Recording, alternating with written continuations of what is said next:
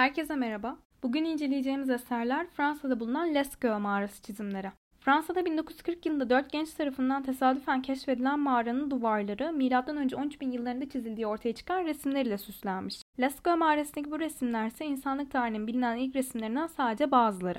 Keşfinden sonra yoğun bir turist rağbeti gören mağaraya şu an turist girişi yasak. Sebebi ise kalkerden mağaranın çizimlerinde tespit edilen birkaç bozulma sonrasında yapılan incelemede o zamanlar her gün 1200'e yakın ziyaretçi ağırlayan mağarada insanların nefes alıp verirken saldıkları karbondioksit gazının mağara içindeki su buharını asitikleştirdiği ve belli çizimleri deforme etmeye başladığı tespit edilmiş ve bazı duvarlardaki yosunlanmalar ve alglerin de görülmesiyle mağara Fransa Kültür Bakanlığı tarafından 20 Nisan 1963'te turist riayetine kapatılmış. İnsanlığın ilk resimleri gibi önemli bir mirasın insanlar tarafından görülmeye devam edilebilmesi içinse Lascaux 2 denilen ve neredeyse orijinal mağaranın birebir kopyası bir yapay mağara yapılmış. Yapılan tespitlere göre Lascaux mağarasına yapılan hayvan çizimleri ya büyü ya da iletişim amaçlı çizimler olup büyü amacına göre çizilen hayvan ne kadar gerçekçi yapılırsa kişinin avlanma ihtimalini o kadar arttırdığına dair bir Baltın ilan çevresinde 250 metre uzunluğundaki mağaranın neredeyse tüm duvarları o dönemin insanları tarafından resimlerle doldurulmuş. Mağara içerisinde ise insanlık tarihinin ilk resmi olduğu düşünülen sahne Boğaların Büyük Salonu adlı sahne olmakla birlikte mağara içerisinde paleolitik dönemden farklı farklı sahneler bulunuyor. Ben o sahnelerden bahsetmeden önce size paleolitik demişken biraz paleolitik dönemden bahsetmek istiyorum. Eski taş devri olarak da bilinen paleolitik devir M.Ö. 600 bin ile 10 bin yılları arasında dayanır. İnsanlık tarihinin en uzun ve ilkel dönemidir. Buzul çağının etkili olduğu bu dönemde insanlar soğuktan korunabilmek amacıyla mağaralara sığınmışlardır ya da ağaç kovuklarına. Dünyada eski taş çağına ait ilk izlere Fransa'daki Lascaux ve İspanya'daki Aldamira mağaralarında rastlanırken Anadolu'da ise Antalya'daki Beldibi, Karain ve Belbaşı mağaralarında rastlanır. Ayrıca Küçükçekmece Gölü'nün kuzeyinde bulunan İstanbul Yarımburgaz Mağarası ülkemizde bu döneme ait en eski yerleşim yeridir. İnsanlar toplayıcılık ve avcılık yapmışlardır. İlk ilkel aletler de bu dönemde görülür. Taştan ve kemikten uçları sivriltilerek yapılan silahlardır bu aletler. Ayrıca bu dönemde anaerkil aile düzeni hakim olmakla birlikte dönemin sonunda ateş kontrolü altına alınmıştır ateşin kontrol altına alınmasıyla da mezolitik yani orta dönemine geçilmiştir. Şimdi az önce size bahsedeceğimi söylediğim sahnelere geçiyorum. Mağara içerisindeki sahneler 7 başlığa toplanmış.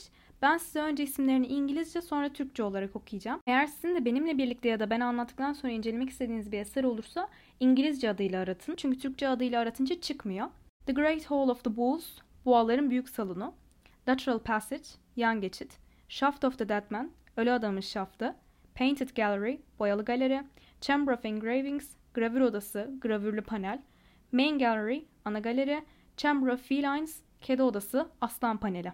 Şimdi resimleri sırasıyla inceleyeceğiz. Boğaların büyük salonuyla başlıyorum. Zıplar gibi resmedilmiş iki boğa sürüsü var sahnede. Resimler oldukça gerçekçi çizilmiş. Hatta İspanya'daki Aldamira mağarasındaydı yanlış hatırlamıyorsam bir bizon çizimi var. Ve turistlerin söylediğine göre hayvan o kadar gerçek çizilmiş ki sanki yürüdüğünü duyabilecek kadar canlı duruyormuş. Biz Lascaux mağarasına dönelim. Bu çizim renksiz olmasına rağmen hayvanlar tek bakışta seçiliyor ve bu resimde sanki biraz uzun baksanız hayvanlar hareket edecekmiş gibi bir hava var. Ayrıca resmin içinde daha az belirgin olarak silüet gibi benim renk geyiklerine benzettiğim hayvanlar da çizilmiş. Bence insanlık tarihinin ilk çizimi için oldukça başarılı ve gerçekçi bir çizim. Buradan kedi odası resmine geçiyorum. Çünkü bu boğaların büyük salonu ve kedi odası resimleri arasında bir karşılaştırma yapacağım. Bu resimden anladığım kadarıyla önde duran iki hayvan, arka arkaya duran iki hayvan aslanlar ve arkalarında bir gergedan sürüsü resmedilmeye çalışılmış. Ama bu resimde boğaların büyük salonu resminin aksine tıpkı bir çocuk çizmiş gibi bir hava var. Çok temsili çizilmiş hayvanlar.